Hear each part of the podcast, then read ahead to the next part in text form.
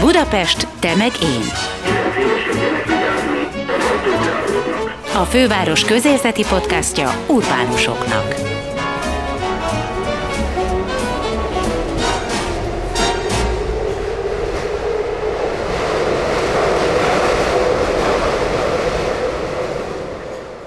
Naplót ugyan soha, valamilyen szöveget mégis minden nap ír 14 éves kora óta.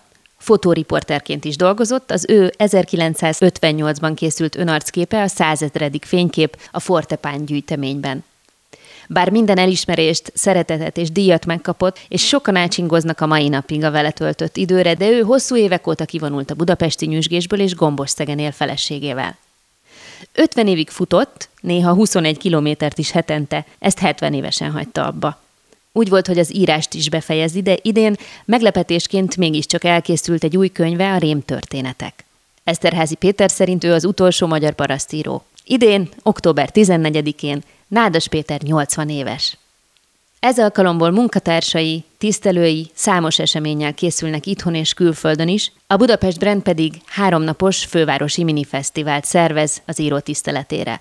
Szeptember 30-a és október 2-a között a fővárosban többek között beszélgetésekkel, Nádas Péter saját fotóiból készült kiállítással, felolvasó színházi előadással, a szerző Budapestjének fontos helyszíneinek bejárásával ünnepelhetjük a kerekéfordulót.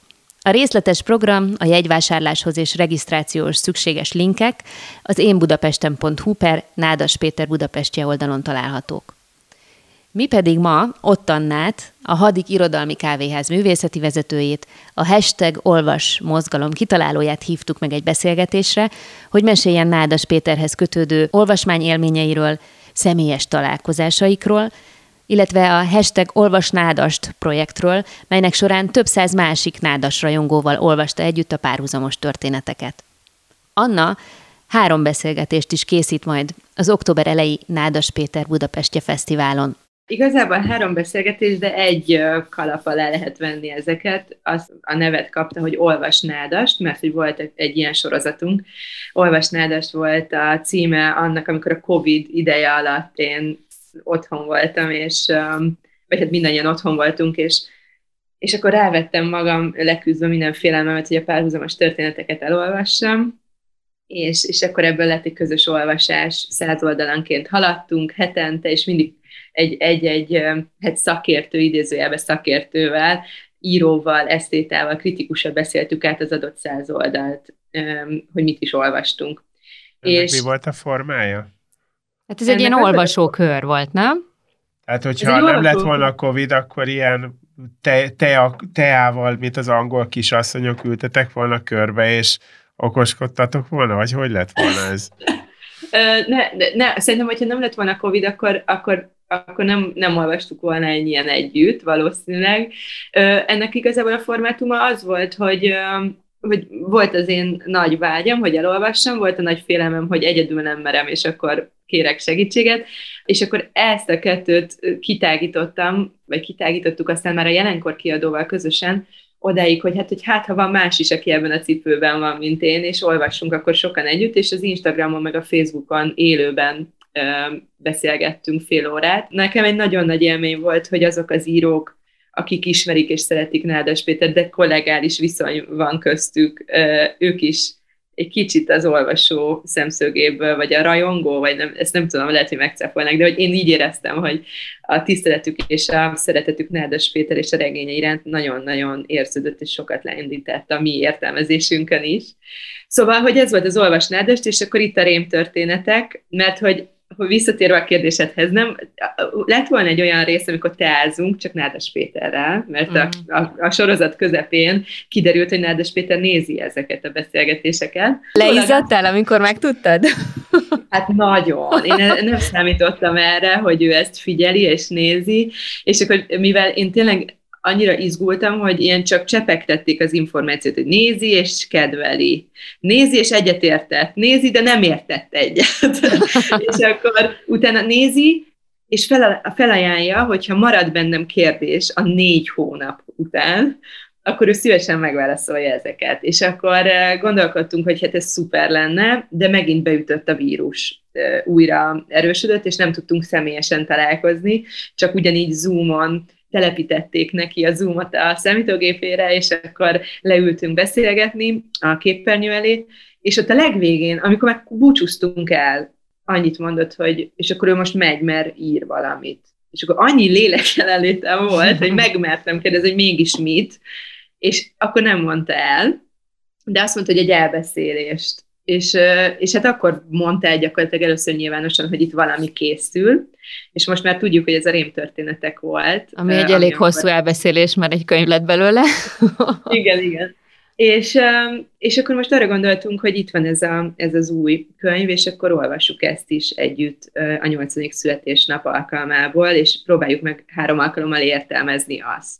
De várjál, most ezt elkezdtétek már, vagy még lehet csatlakozni? Képzeld el, hogy ez azt hiszem általatok és veletek lesz nyilvános, oh. nagy titok, még, még, nem, még nem beszéltünk erről. Hát mivel három nap és egymás utáni napok ezek, nem tudjuk azt tartani, amit, ami az eredeti terv mm. volt, így, így kicsit más koncepcióval, három vendége, három különböző nézőpontból fogjuk az egész könyvet, szóval nem száz oldalanként haladva, hanem az egészet átbeszélni. Ez azt jelenti, hogy akkor te már beleástad magad a rémtörténetekbe. Ez azt jelenti, hogy én még nem ástam bele magam, minél tolom. De nem azért, mert hanyag vagyok, hanem tolom, hogy időben um, még friss legyen az élmény. Uh, szóval az lesz az utolsó pár hét végső munkája, hogy én elolvasom azt a könyvet, és, és kijegyzetelem majd. De hogy mikor van ez pontosan?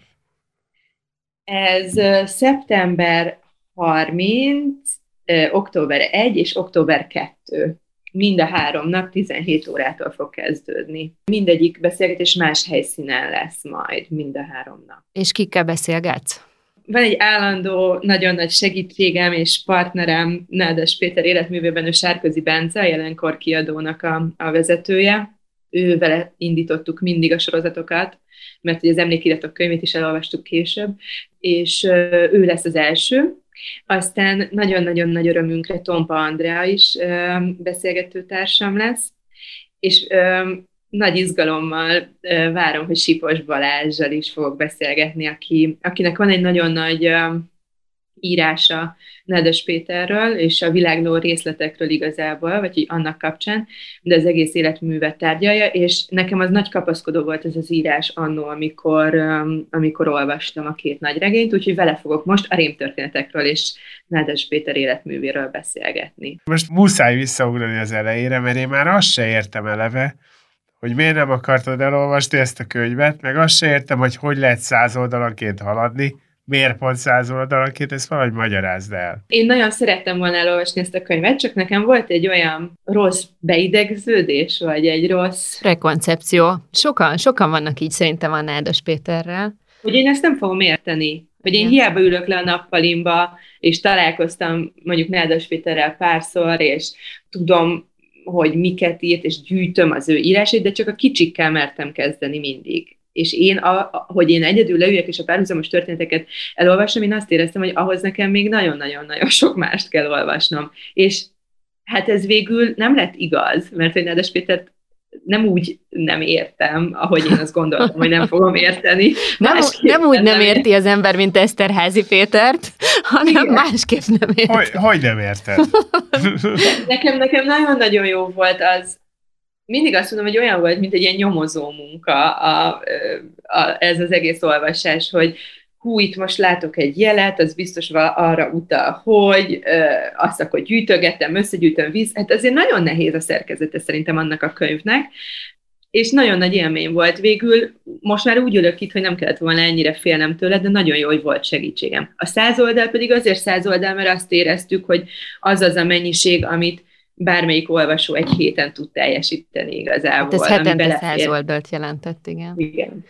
De különben most, hogy utólag, hogy túl vagy azon az 1600 oldalon, meg más sok száz oldalon, ha jól értem, Nádas Péter írásokat nézve vagy tekintve, bebizonyosodott számodra az, amit előtte mondtál, hogy szerinted lehet, hogy meg kell érni, vagy fel kell nőni Nádas Péter szövegeihez? Szerintem nem. Nagyon figyelni kell, és olvasni kell, és beleengedni magad, és inkább tényleg, ahogy ő mondja, hogy valahogy így együtt lélegezni abban a ritmusban, ahogy ő ír. Ez nekem ugye nem adatott meg, ez nagyon érdekes, én nagyon szeretném újraolvasni, mert én nagyon koncentráltan olvastam, jegyzeteltem, nem, nem úgy olvastam az olvasás öröméért, vagy uh, ahogy olvasnám most, Szerintem, szerintem csak le kell ülni, és, és a kezünkbe venni ezt a, ezt a regényt, és nem, nem fel, még azt gondolom, hogy még érni se kell, maximum újra kell olvasni, és akkor úgyis mást fog majd mondani, meg adni egy-egy újraolvasás során. De tényleg szoktál jegyzetelni, miközben olvasol? Igen, szoktam jegyzni. Hát főleg, hogyha dolgozom idézőjelben vele, akkor. Uh-huh. De egyébként az Instagramodon fönn van ez a kép, ahol tele van színes posztitekkel megjelölve, úgyhogy ha most ez így érdekel valakit, hogy Anna hogy olvasta a párhuzamos történeteket, akkor meg tudja keresni az Instán. Azon, azon Nedes Péter maga is nagyon meglepődött, amikor végül aláírattam vele, hogy, hogy hogy néz ki az én regényem, mert hogy tényleg tele van, muszáj volt, hát muszáj volt valahogy valahogy nem tudom a figyelmemet egy irányba terelni. Nagyon érdekes, hogy van ugye az az iskola, hogy a könyv az szent, már mint tárgyként, és akkor nem hajtogatjuk be, meg nem jelölgetjük be. Mások meg azt mondják, hogy hát te élvezetedre van ez a tárgy, és ezért úgy használod, hogy akarod, akár posztitezed, hajtogatod, aláhúzod. Ő mit mondott? Ő megrökönyödött ezen, amit látott? Ő csak annyit mondott, azt hiszem, hogy hú, Anna, hát ezzel dolgozott rendesen, vagy hogy így, azzal, arról nem kezdtünk el beszélni, hogy szabad-e ilyet, vagy nem, Aha. amúgy csak ceruzával húztam alá benne mindent. Nekem nagyon, nagyon kedves volt az a felismerés, hogy Nádas Péternek mennyire fontosak az olvasók. Hogy egy dolog, hogy a kritika és a szakma mit gondol és mit mond, és ő ahhoz hogyan viszonyul, de hogy hogy én azt láttam, hogy ő nagyon örül annak, hogyha sok fiatal, már pedig tényleg fiatalok ö, kezdtek bele Nádas Péter életművébe. Hányan és voltatok ez, ebben a klubban? Hát több ezren, nem tudom, nem azokat tudom megszámolni, hogy ki nézte meg ezeket a videókat. Aha. sok ezren, és hogy láttam rajta, hogy ez neki egy nagyon jó leső érzés, és, és ő, ő nem miattam, hanem ezek miatt a fiatalok miatt vállalta például azt a beszélgetést, amiben válaszolt még a maradék kérdésemre is, és ez, ez szerintem egy nagyon-nagyon jó, jó dolog volt, hogy az a Nádas Péter, akinek félünk a, a, az írásaitól, hogy nem, nem kell, nem kell, mert hogy itt van, és akár ő is segít nekünk, hogyha elakadnánk. Magyarázz el, hogy milyen ennek a könyvnek a szerkezete, hogy, hogy ilyen, ilyen koncentráltan kéne olvasni, vagy ennyire nem? Vagy úszni vele? Szerintem, a, szerintem amúgy úszni kell vele, de nekem annak érdekében, hogy minél inkább meg, én nagyon meg akartam érteni, a tudatommal akartam megérteni ezt a könyvet, miközben szerintem ez a könyv sokkal inkább az érzékeinkre ö, van hatással. A szerkezetére arra gondolok, hogy mondjuk utal valamire Nádas Péter az első kötet egyik ö, ö, fejezetében, amikor úgy ér véget, hogy és nem tudom, XY gondol valamit, és a harmadik kötet 150. oldalán ö, ugrik ebbe vissza, ebbe a valóságba. És nekem ezeket kellett valamiért, vagy azt éreztem, hogy ezeket kell nekem valahogy kézben tartanom, vagy megértenem, és itt a posztitek színe is ugye segítségemre volt, hogy hogy mikor, melyik valóságban, melyik időben, kinek a fejében vagyunk, ki beszél most, ki hal meg, ki van életben, szóval, hogy, hogy ez, erre gondoltam. Az se egyértelmű, hogy ki hal meg. Hát én elmondom neked, hogy képzeld el, amikor ott tartottunk, hogy valaki meghal, akkor én nagy boldogan felkiáltottam, és mondtam, Sejem Zsuzsa volt akkori beszélgető voltunk, hogy én tudom, ki halt meg, és bemondtam a rossz nevet.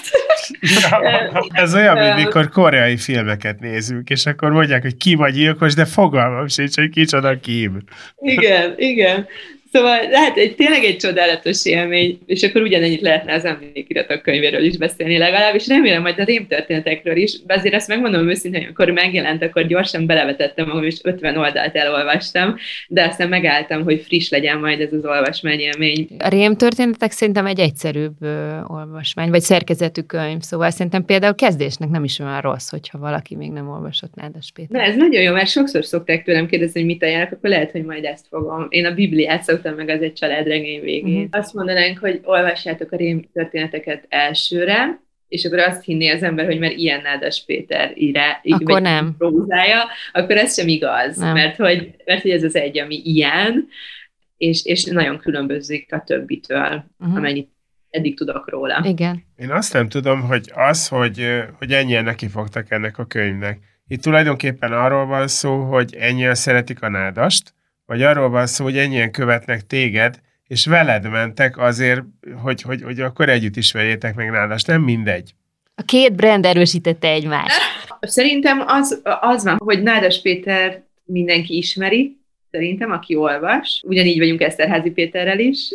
Aztán lehet egy olvas Eszterházi sorozat is, de ezt most már tényleg nem keverem ide vele. Szóval, hogy, és akkor vannak, én úgy vettem észre, vagy ahogy én szocializálódtam, és amit az elmúlt, nem tudom, 20 évenben hallottam, hogy vannak az Eszterházisok, meg a nádasosok. Tényleg? És két külön, igen, két külön csap. Vagy akinek a szíve inkább valamelyikükhöz húz. Na, szóval visszatérve a kérdésre, én azt gondolom, hogy nagyon sokan vágytak olvasni Nádas Pétert. Mm, biztos egy más célközönséghez értem el, mint Nádas Péter amúgy elérne, vagy a kiadó amúgy elérne, és biztos vagyok benne, hogy nem szeretnék álszeré lenni, de hogy én olyan vehemenciával betettem ebbe bele magam, és annyit beszéltem erről, hogy ez mennyire csodálatos. Hát gondoljatok be, négy hónapig minden héten csak erről beszéltem az Instagram oldalamon gyakorlatilag, hogy uh, úristen, mennyire csodálatos, és nincs még egy ilyen fejezet, és akkor lesz még egy fejezet, ami meg még csodálatosabb, és szerintem egy idő után már azt mondták a követőim, hogy jó, hát ezt már nem bírom tovább, akkor belekezdek én is. és közben pedig olyan érdekes, mert még most is jönnek olyan üzenetek, hogy ők még csak most kezdik el, mert hogy fent maradt minden videó, mint segédanyag, vagy nem tudom, és hogy még most is vágnak ebbe bele, és ez meg nagyon jó, hogy, hogy igazából bármikor lehet ezt csatlakozni, ez nem egyszeri alkalom volt. Hogyne. És szerintem tök fontos munka olyan értelemben is, hogy kicsit így közelebb hozza ezzel az egész projekttel a kortárs magyar irodalmat azokhoz, akik esetleg óckodtak eddig tőle. Igen, hát nagyon jól esik, hogyha ez így van, de nekem az is egy nagyon nagy élmény volt, hogy ott volt a kortárs magyar irodalom pár alakja is, ugye Igen. a négy hónap során, akik beszélgető partnereim voltak, és Szóval nagyon érdekes volt ez, hogy ők más szerepből kellett beszélniük. Én nem vagyok irodalmár, én egy olvasó vagyok, aki olyan naív kérdéseket tett fel nekik, ami valószínűleg ők teljes mértékben meg voltak rökönyödve, és nagyon máshogy kellett, hogy nem egy ilyen nádas értekezést kellett tartaniuk, amiből mondjuk már írtak ezelőtt párat, és publikáltak, uh-huh. hanem arra a kérdésre kellett válaszolnia, hogy mondjuk, hogy jól értem-e azt, hogy ez az ember itt most meghalt, vagy nem tudom, vagy hogy mit akart ezzel mondani, azt nem, most nem emlékszem már, hogy milyen típusú kérdés, de hogy nagyon őszinte kezdeti rácsodálkozás volt bennem. Tehát ez és... az egész egy jó sorvezető annak, aki most uh, szeretne kezdeni vele. Igen. Meg hát Igen. ez mennyire más világ, mint tudod, mindig vannak ezek az ilyen alapmondatok, amikor interjút csinál valaki, mint azt mindannyian tudjuk, ezt szokták mondani, holott az előbb olvasta el, kinézte az internetről, Igen. és szerintem az emberek már nagyon vágynak valakire, aki tényleg őszintén rácsodálkozik, vagy beismeri, hogy erről most fogalma sincs, ez, ez nincsen. Ritka. Igen, igen. igen. Az irodalommal ez, kapcsolatban pláne. Igen, ennek hát nem, nem tudtam volna hogy lehetett volna, hogy én is felkészülök és elolvasok. Megvettem ilyen e, tanulmányköteteket, hát e, itt vannak a polcom. Az kevésbé értetted, mint a nádast, volt be.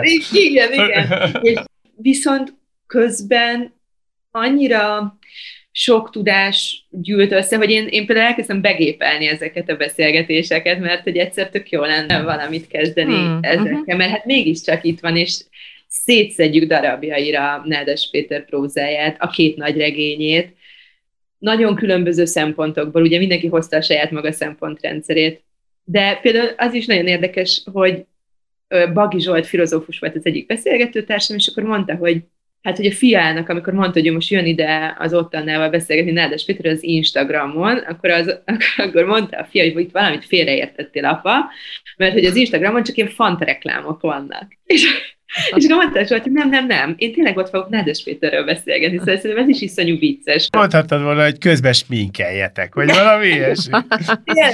Igen. Hát, na, egy nagyon jó élmény volt, tényleg, nagyon. És te már tudsz egyébként arra a kérdésre válaszolni, ami az előbb egy fél mondatban elhangzott, hogy, hogy akkor végül is mivel is kéne kezdeni, hogyha az ember még nem olvasott Nádas Pétert? Hát én, én, én amúgy azt mondom, hogy hogy a párhuzamos történetekkel kéne Ne hülyeskedj belecsapni a három kötetbe? Igen, és de közben megértem, de amúgy csak azt értem meg, hogyha hosszától van az embernek Aha. így félelme, de, és ezért mondom, hogy a, a, a Bibliát én nagyon szerettem, ami az első kötete volt Nádasnak, és az egy családregény végét is uh-huh. nagyon szerettem, és azért az már, annak a, a kisregénynek a hangulata már megidézi azért a két nagy regényét, és szerintem akinek az tetszik, vagy um, élvezi, akkor, akkor, akkor biztos, hogy fogja a másik kettőt is.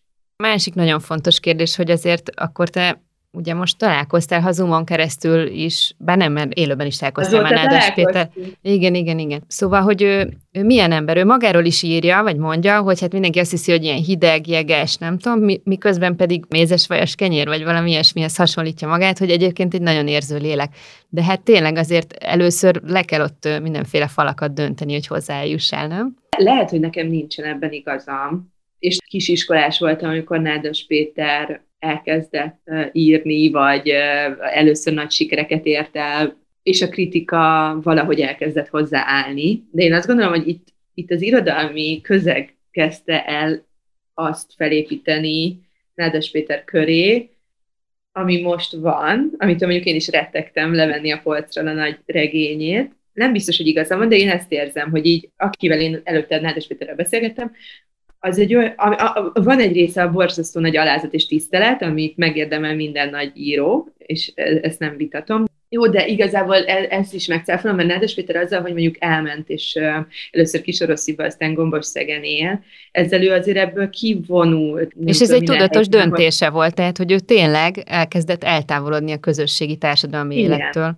Ugye ő egy budapesti ember volt, és közben szépen ettől az egész zsizsgéstől eltávolodott tudatosan. És lehet, hogy ez is okozta nyilván ezt a félelmet egy csomó emberben. Valószínűleg tényleg az, hogy Nádas Péter évente kétszer, most nagyon túlzok, de akkor jelenik meg Budapesten, és akkor ott mindenki összegyűlik, és, és talán még jobban figyel rá, mint hogyha két hetente megnyitna egy kiállítást, és író-olvasó találkozókon venne részt, és dedikálna, és nem tudom.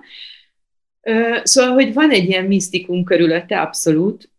Én rettegtem, szóval én azt hiszem, soha nem féltem annyira beszélgetéstől, mint attól, amit vele folytattam.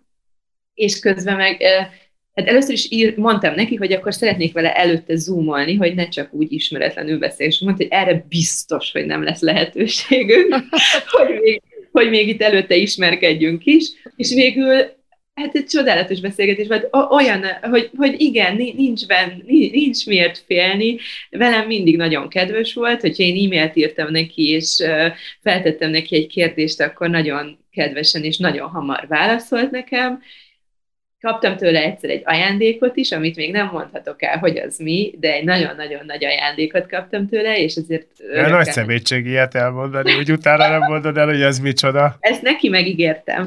És uh, én nagyon-nagyon-nagyon megszerettem őt, és hát nagyon-nagyon szeretem az összes írását, amit eddig olvastam, és azt, ahogy ő gondolkodik, és ahogy, ahogy ő beszél, mondjuk. Én nagyon szeretem a, a, a beszédeit is például, és meghallgatni, hogy miről, mi az ő véleménye, és, és megérteni egy kicsit az ő látásmódját. Nem volt velem soha visszautasító, vagy rideg, hideg. Sőt, én emlékszem, én belenéztem ebbe a beszélgetésbe, amit ugye Zoomon folytattatok, és hát olyan, olyan kedvesen kezdődik az egész, mert megkéred, hogy akkor mutassa már, legyen kedves körbe, hogy ő hol ír, vagy milyen ez a dolgozószoba, és hát olyan készségesen mutogatja, hogy így nyílik az asztal, meg ott milyen könyvek vannak az ágy mellett, és hátul az az ablak, az hasonló, mint itt előtte, tehát teljesen egyből egy roppant közvetlen hangot ütött meg. Igen. Igen, és ez az ő ötlete volt, és ezért is nagyon hálás voltam, mert hogy erre volt lehetőség. Szóval engedte, hogy közelebb kerüljünk hozzá, vagy meglássuk őt. Ez volt a Budapest Temelgén Podcast, melyet a Budapest Brand Nonprofit ZRT megbízásából a Kinopolis Kft. készített.